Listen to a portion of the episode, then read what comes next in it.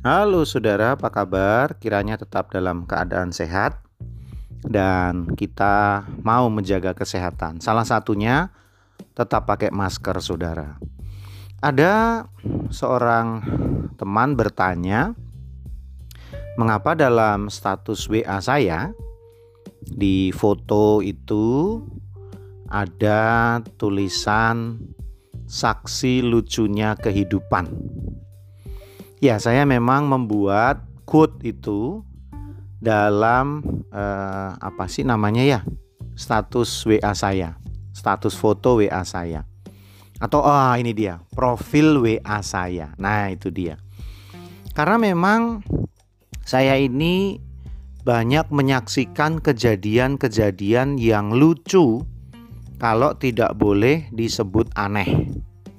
Sebetulnya pernyataan itu saya buat pada saat saya sering sekali mendapati kejadian salah paham.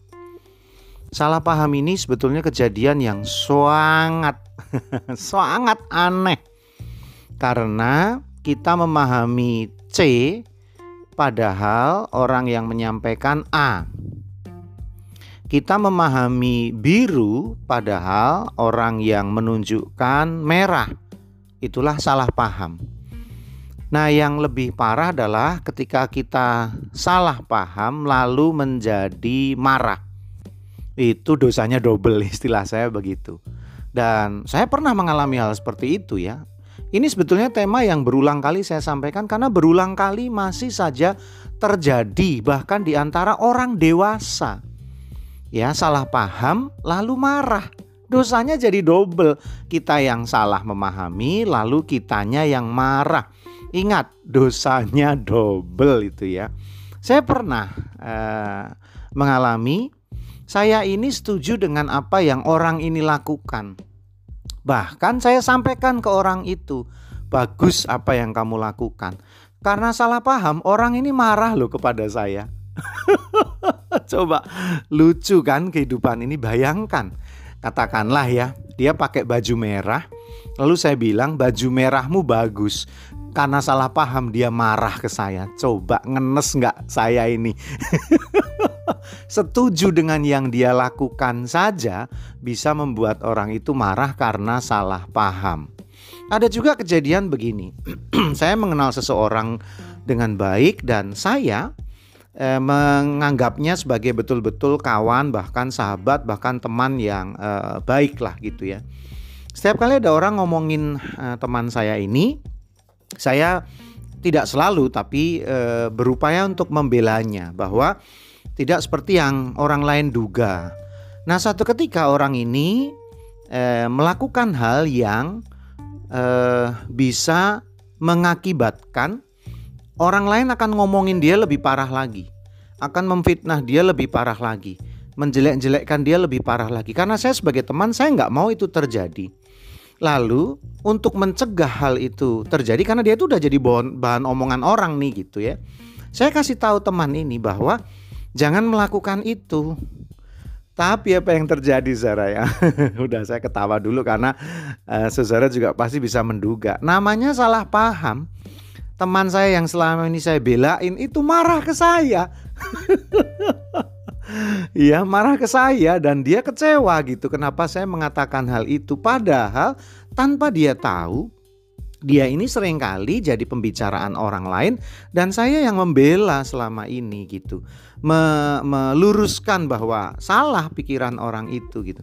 Alah kok sekarang dia memusuhi saya? Tapi sudahlah sekali lagi Salah paham bisa terjadi. Para murid saja bisa mengalami yang namanya salah paham.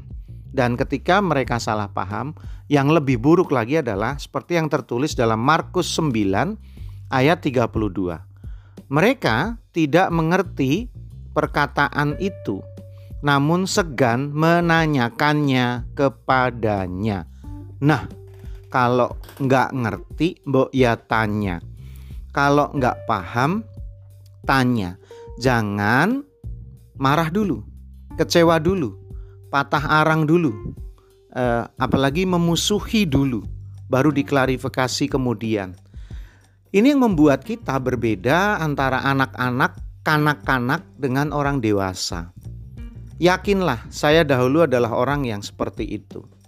Mudah sekali eh, informasi itu saya respon dengan cara yang negatif tanpa saya bertanya dulu apa sebetulnya latar belakangnya, apa maksudnya, apa tujuannya, dan lain sebagainya. Saya dulu sangat mudah salah paham, sangat sangat mudah, dan saya akui itu sebagai kekanak-kanakan.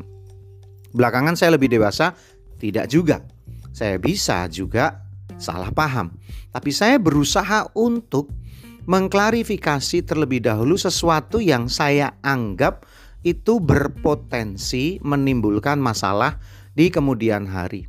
Saya lebih baik bertanya secara terbuka kepada orang itu, apa maksudnya, kenapa menyatakan itu, kenapa memberi informasi itu, Eh, mana datanya, mana buktinya dan lain sebagainya agar jelas. Setelah jelas baru kita bisa merespon dengan baik. Sekali lagi, ini mempertaruhkan harga diri kita sebagai orang dewasa atau anak-anak. Karena kalau kita terlalu sering salah paham, terlalu sering salah paham, maka akhirnya orang akan uh, a priori dengan kita. Ah udahlah, otaknya nggak nyampe.